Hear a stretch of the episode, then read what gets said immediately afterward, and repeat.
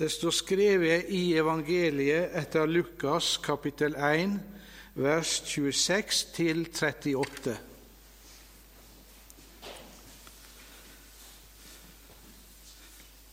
Men i den sjette måneden sendte Gud engelen Gabriel til en by i Galilea som heter Nasaret, til ei møy som var trulova med en mann som heter Josef, og var av Davids ætter. Navnet til møya var Maria. Engelen kom inn til henne og sa, Vær helsa, du som har fått nåde, Herren er med deg, velsigna er du mellom kvinner. Men hun stokk over ordet hans og grunna på hva slag helsing dette kunne være. Og engelen sa til henne, Vær ikke redd, Maria, for du har funnet nåde hjå Gud. Sjå, du skal verta med barn og føde en sønn, og du skal gi han navnet Jesus. Han skal være stor og kallast Sønn åt den høgste. Gud Herren skal gi han trona til David, far hans, og han skal være konge over Jakobs hus til evig tid, og det skal ikke være ende på kongedømmet hans. Men Maria sa til engelen, hvordan skal dette gå til? Jeg veit jo ikke av mann. Engelen svarer og sa til henne, Den hellige ande skal komme over deg, og krafta til den høgste skal skygge over deg. Derfor skal det hellige som vert født, kallast Guds sønn. Og sjå, Elisabeth, slektningen din, har òg blitt med barn og venter en sønn i sin høge alder. Hun kunne ikke få barn, sa de, men er nå alltid sjette måneden. For ingenting er umulig for Gud. Da sa Maria, Sjå, jeg er Herrens tjenestekvinne, la det gå meg som du har sagt. Og engelen forlet henne. Heilage Far, helge oss i sanninga Ditt ord er sanning. Amen.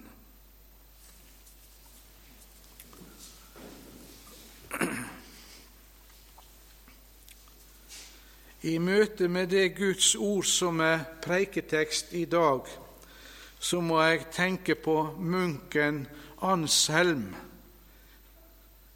i middelalderen på 1000-tallet.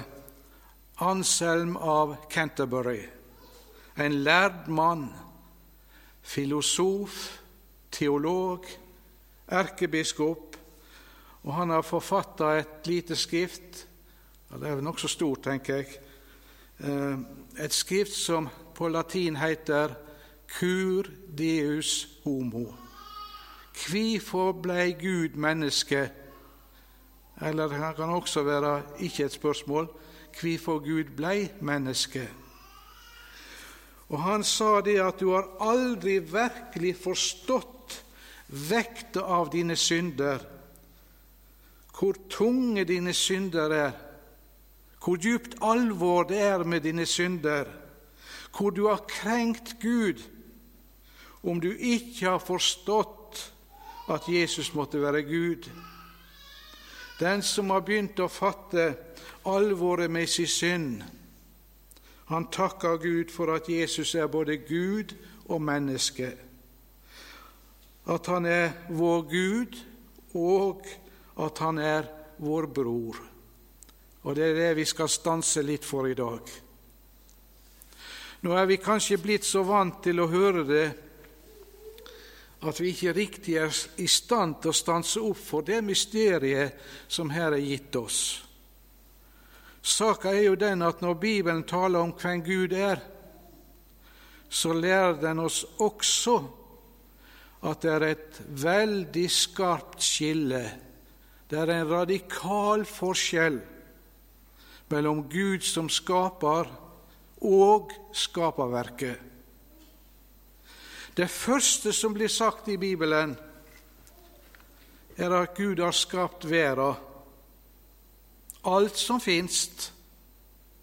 Og Derfor er det et klart skille mellom Gud og alt annet. Gud er opphavet til den verden som omgir oss, og som vi er en del av. Han talte, og det skjedde. Gud er Gud, og vi er hans skapninger.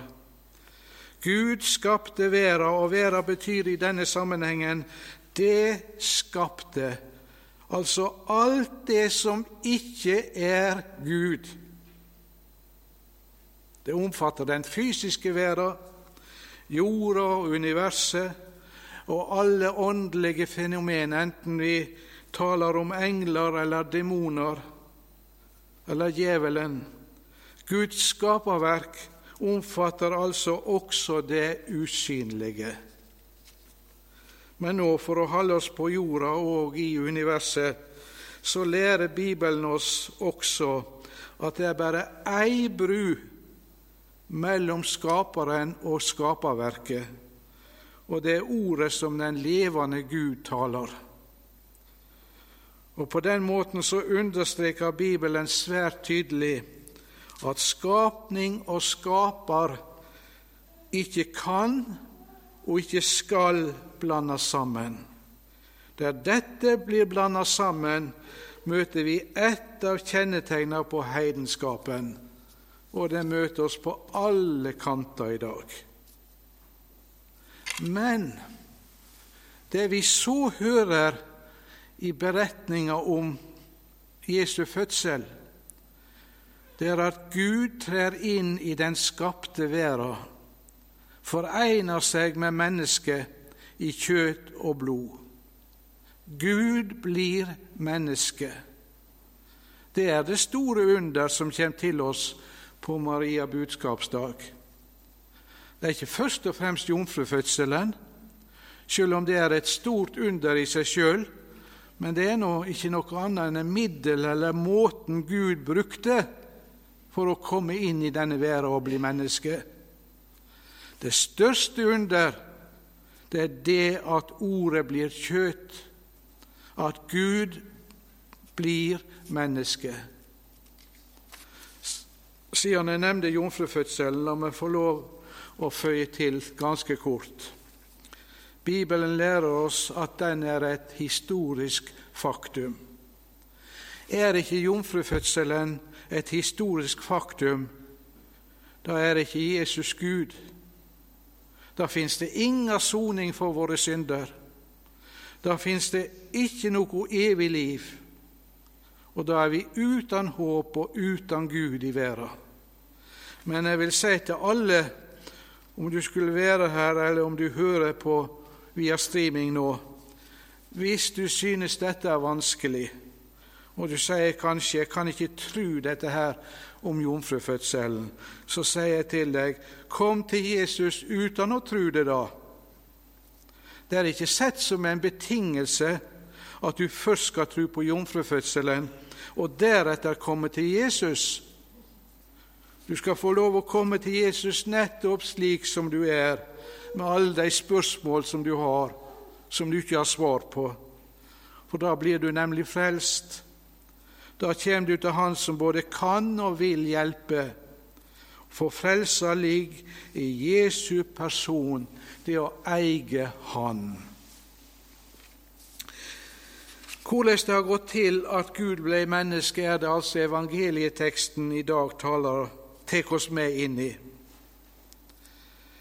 Det skjedde på den måten at ei jomfru i Nasaret, Maria, trulova med Josef av Davids ett. Hun får ei åpenbaring gjennom engelen Gabriel som kunngjør at et bestemt Guds ord skal gå i oppfylling på henne.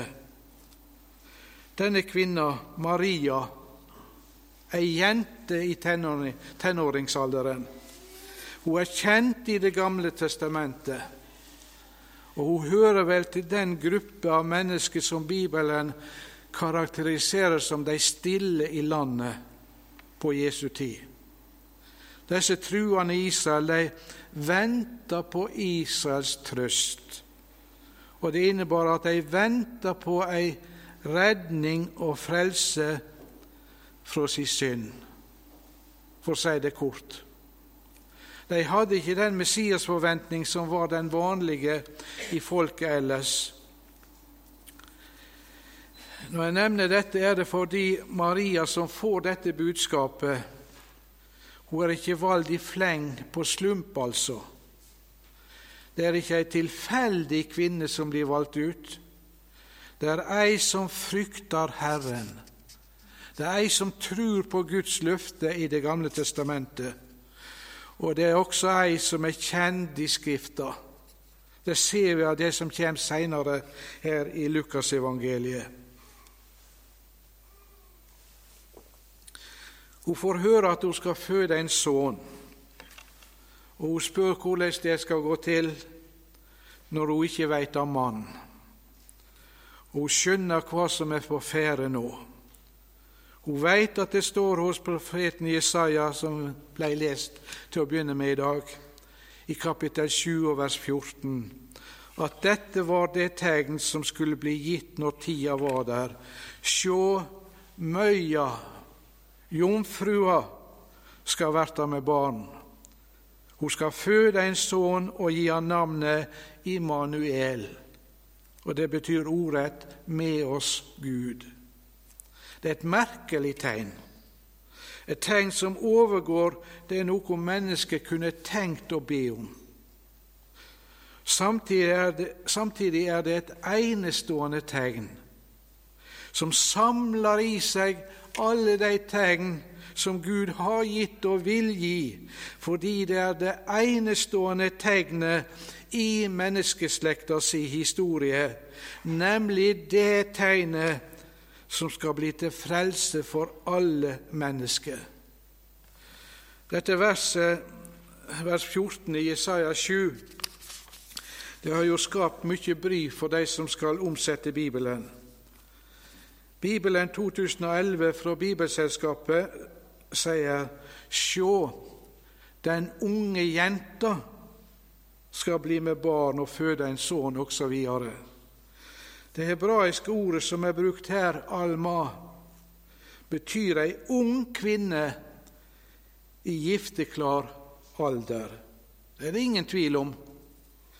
Men en ny bibelleser som leser dette, hører dette, den unge jenta, kan jo tenke som så at eh, ei ung jente, ei ugift kvinne, ei ung kvinne, kan jo ha hatt noe med en mann å gjøre.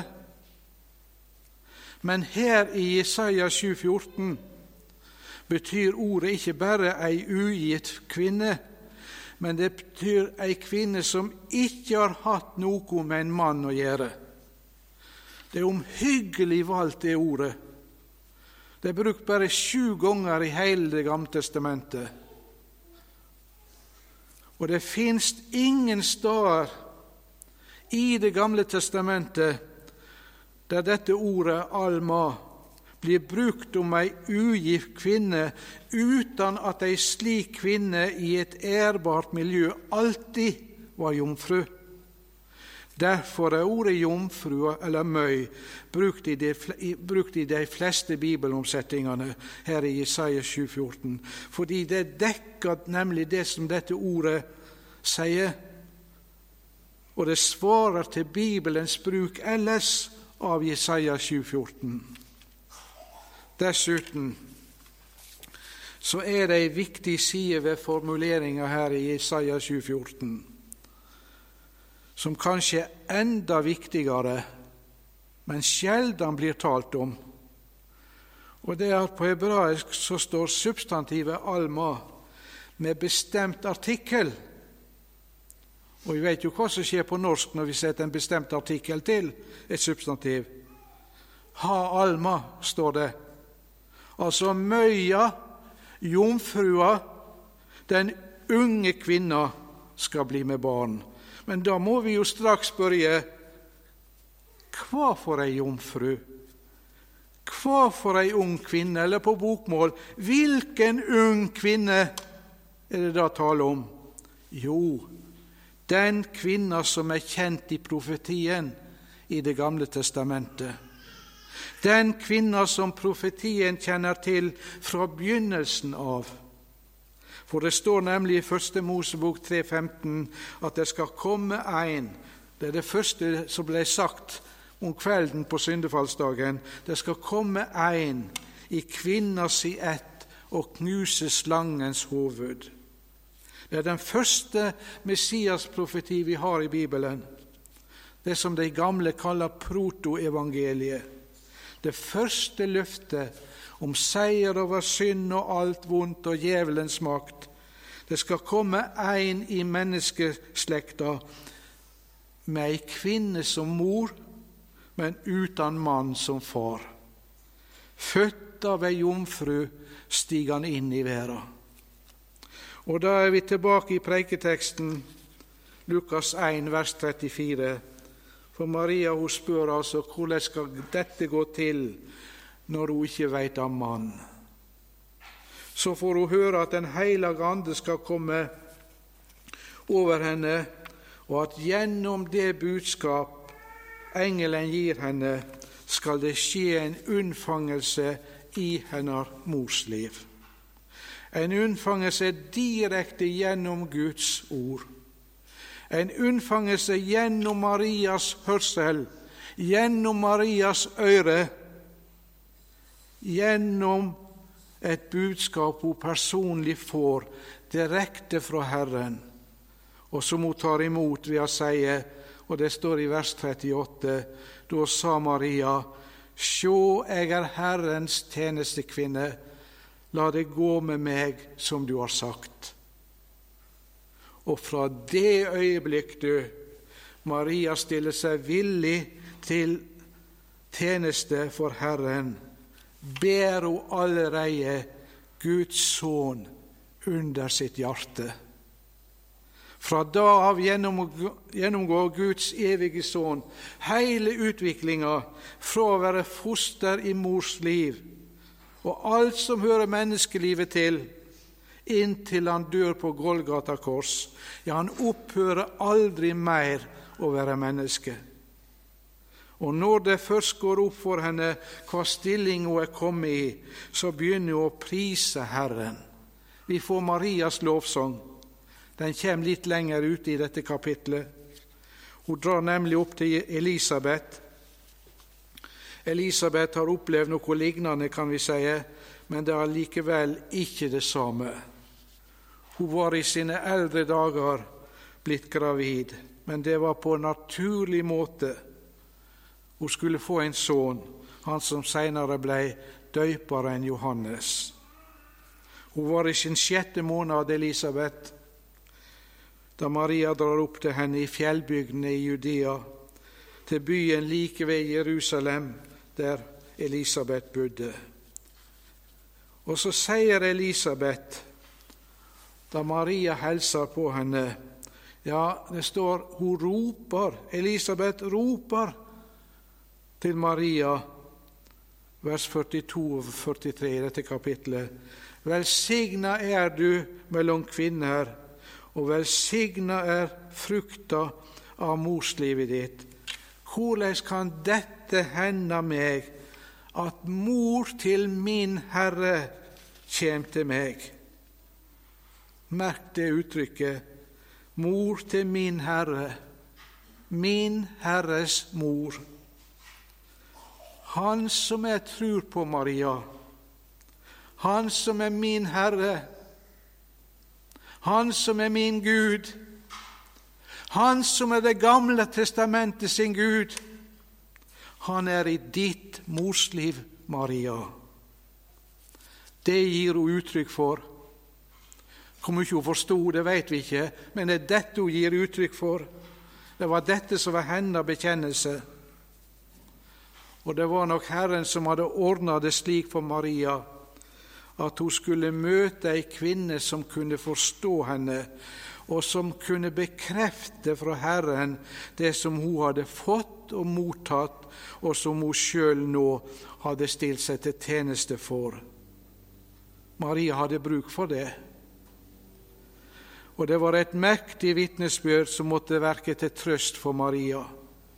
Hvordan kan dette hende meg, at min Herres mor kjem til meg. Og da bryter Marias lovsang ut. Men det er ikke preiketeksten i dag. Men jeg nevner det så de ser sammenhengen.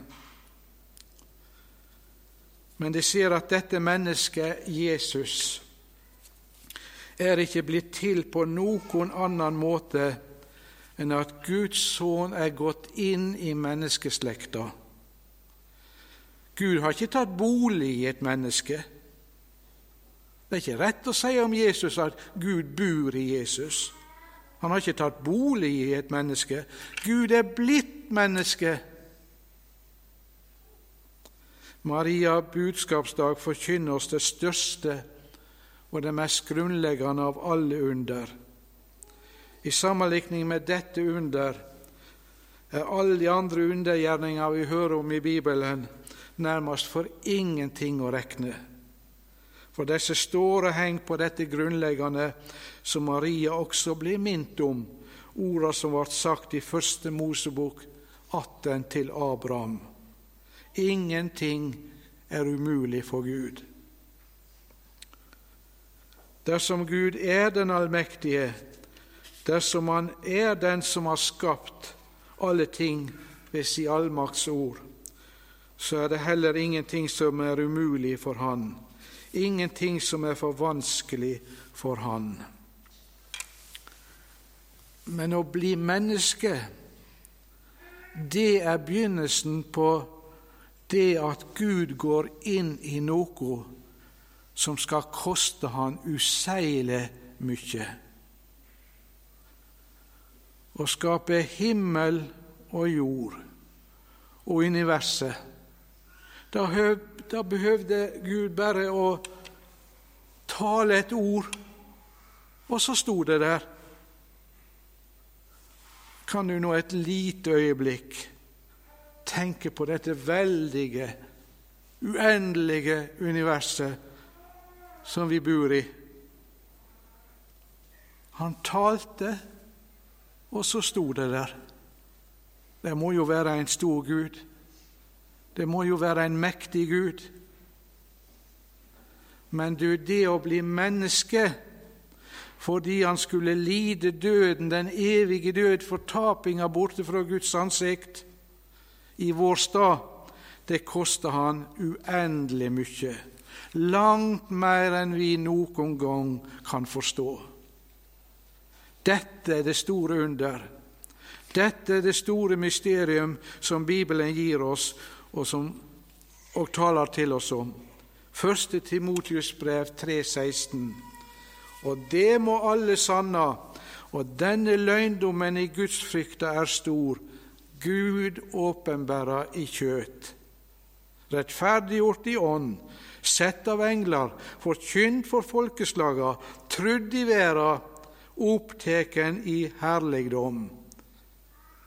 Gud åpenbæra i kjøt. Det er i kraft av dette under, dette mysterium, at du og jeg kan bli frelst. Avla, unnfanga ved Den hellige Ande, født av jomfru Maria, bekjenner vi i kyrkja hver søndag.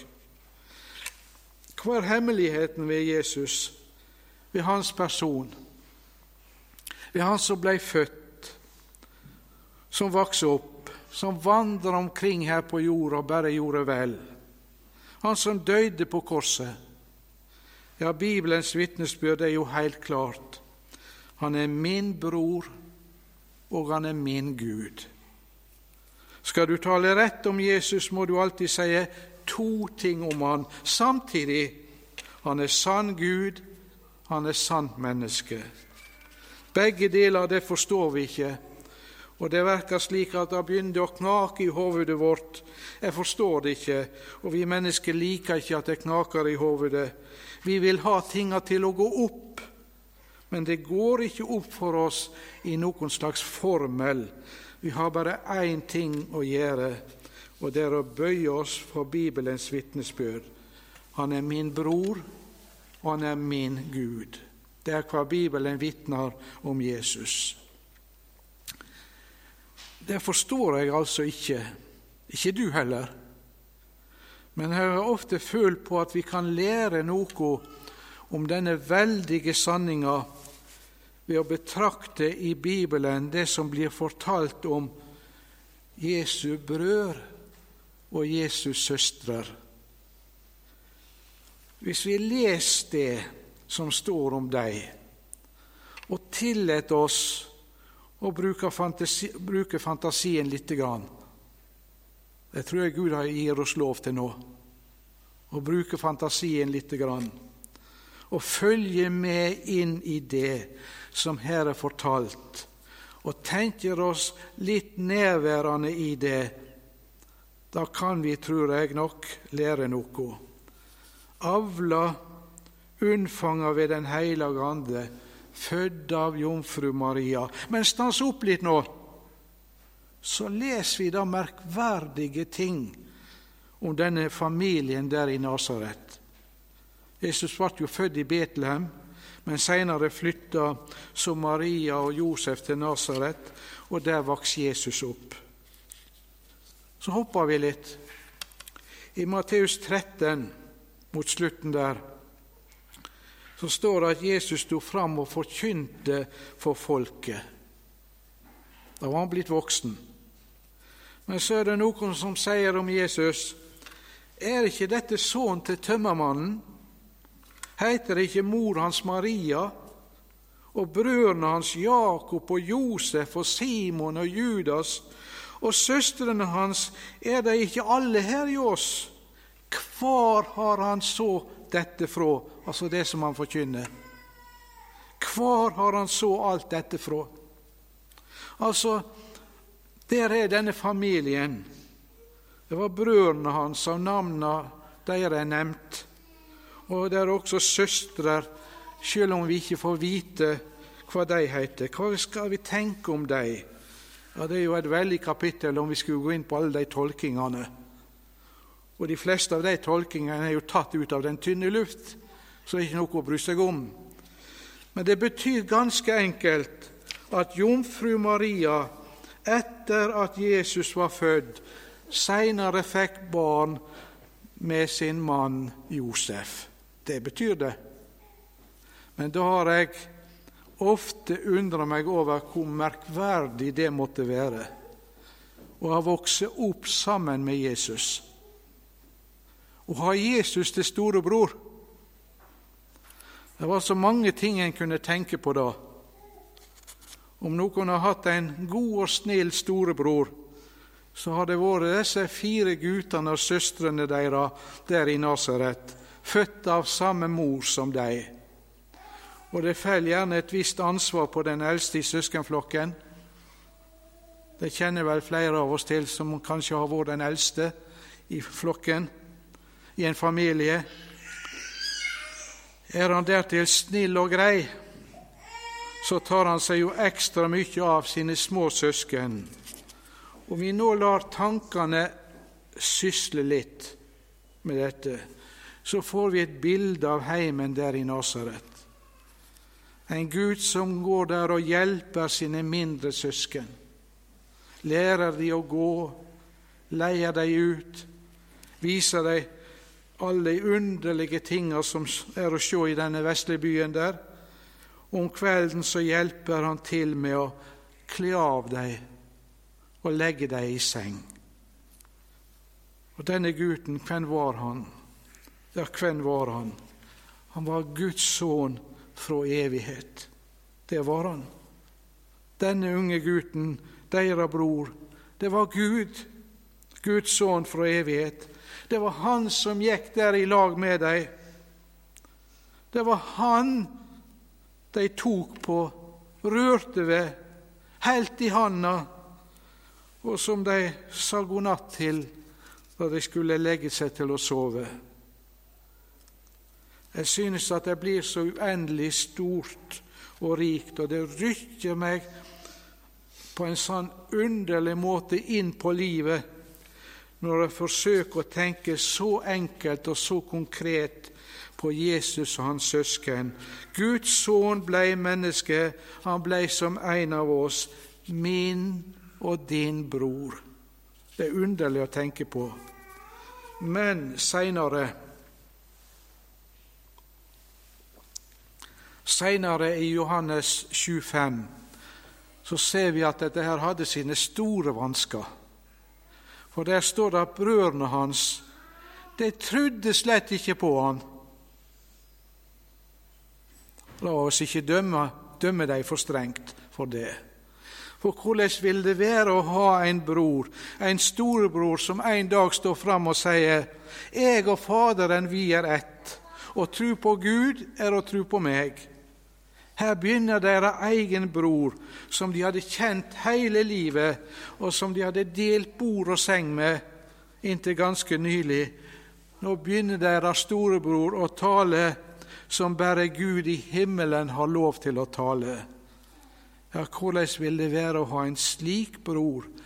La oss ikke dømme dem for strengt. Men sjå så hva det står i apostelgjerningene kapittel 1. Der leser vi om disiplene etter Jesu oppstå i himmelfart, vers 14. Alle disse, dvs. Si disiplene, held trufast sammen i bønn, i lag med noen kvinner og Maria, Jesu mor, og brødrene hans. De var kommet til tru på han. Det er det merkverdige å tenke på. Jesu brødre hadde begynt å tro på Jesus. De hadde levd i vantru og tvil på Jesus, og så ikke trodd at Gud Faderen hadde sendt han, som jo var deres bror. Det skulle noe til å tro det, men så en dag så har det gått opp for dem at de hadde simpelthen levd nå i vantru mot Abrahams, Isaks og Jakobs Gud og de løfter han hadde gitt. Og så må de hjertelig angre denne vantrua og så må de gå til, og nå må jeg tale enkelt og barnlig, ikke barnslig. Det er ikke alle barn som liker at vi taler barnslig, men de liker at vi taler barnlig, og voksne òg. Disse fire brødrene må gå til nådens dør og banke på for å be Gud, Gud i himmelen, om tilgjeving for si vantru. Da kjem der ein ut og lukker opp for dei. Hvem var det? Det var deira bror. Kan du ta det? Det var deira bror. Og Nå sier Jesus på oppstandelsen dag til alle sine truende Gå til brødrene mine og si til dem, jeg fer opp til min far og dykka far, til min Gud og dykka Gud. Gå til, brø, brødrene mine, og det gjelder både jenter og gutter, både kvinner og menn, og si til dem at jeg fer opp til min far og dykka far, til min Gud og dykka Gud. Der du har du hemmeligheten i vår Herre Jesu Kristi person og hans betydning for oss. Han er min bror, han er min Gud. I Hebreabrevet 2,11 står det at han skammer seg ikke over å kalle oss sine brødre, eller sine søsken, som det står i Bibelen 2011. Han er prøvd i alle ting som menneske, dog uten synd. Men da skal du vite da er det ikke en eneste ting i våre liv Du kan aldri kunne komme på å finne ut at det er ikke en eneste ting i våre liv han ikke veit råd med, eller ikke kan hjelpe oss med, for han er vår bror og han skammer seg fremdeles ikke over det. Du, det å leve med Jesus, å leve med Guds sønn, å leve med Han som vår bror og vår Gud, det er samtidig å eie en himmelsk Far som vil sørge for deg både timelig og evig. Og han kommer til å gi deg alt det du trenger det du virkelig har bruk for. Guds sønn din og min bror. Under over alle under. Vi skal synge en salme om det nå etter preika. Er det sant at Jesus er min broder? Han skammer seg ikke over å kalle oss hans brødre, hans søsken. Han heilag, du og jeg vanheilag. Han rein, du og jeg ureine. Han rettferdig, du og jeg i oss sjøl djupt falne, og likevel, han skammer seg ikke over å kalle over å være vår bror og kalle oss sine brødre, sine søsken. Jesus er både Gud og menneske på ei og samme tid. Ja, det er rett å si Jesus er Gud-mennesket. Det er det han er. Det er dette som gjør Jesus til verden sin frelser. Jesu gjerninger er på ei og samme tid Guds gjerninger og menneskeslekta sine gjerninger. Alt det som Jesus har gjort, har Gud gjort. Alt det som Jesus har gjort, har også et menneske gjort. Jesu gjerninger er både Guds gjerninger og dine og mine gjerninger, for han har gjort det i vår stad, på våre vegne. På denne måten er det at Guds sønn er blitt vår bror. Født av ei jomfru steig han inn i verden for å knuse slangens hoved, og så er du og jeg fri fra det syndefangenskap som vi var fanga under, og som vi var ute av stand til å gjøre noe med. Det var hans gjerning å fri oss ut av det. Det var hans kall å løse våre barn fra det. Og han løste oss ved sjølv å bli bundet. Han fridde oss ut ved sjølv å bli knust. Derfor ble han menneske. Og så la meg slutte med en liten ting til slutt. Sist jul så var det på TV en julekonsert fra Royal Albert Hall i London. Og En av salmene husker jeg veldig godt. 'Mary, did you know?' Den er omsatt til norsk også. 'Maria, har du skjønt?' eller 'Maria, visste du?' Og så går det igjen i hele salmen, dette her. Mary, did you know? Maria, visste du? Og så blir forskjellige saker nevnte om Jesus, som Det nye testamentet og Bibelen taler om. Og så kommer de i en av strofene Visste du, Maria, at da du kyssa ansiktet til den vesle babyen din da du kysser ansiktet til det vesle barnet ditt. You kiss the face of God. Da kysser du Guds ansikt. Visste du det, Maria? Det er Maria budskapsdag i en sum. Maria, da du kysser ansiktet til det vesle barnet ditt, da kysser du Guds ansikt. Mary, Did you know? Visste du det, Maria? Og så kan vi bare undre oss, og så kan vi gjøre én ting til og si takk, Jesus. Ære være Faderen og Sønnen og Den hellige Ande, som var og er og være skal, en sann Gud fra evig og til evig. Amen.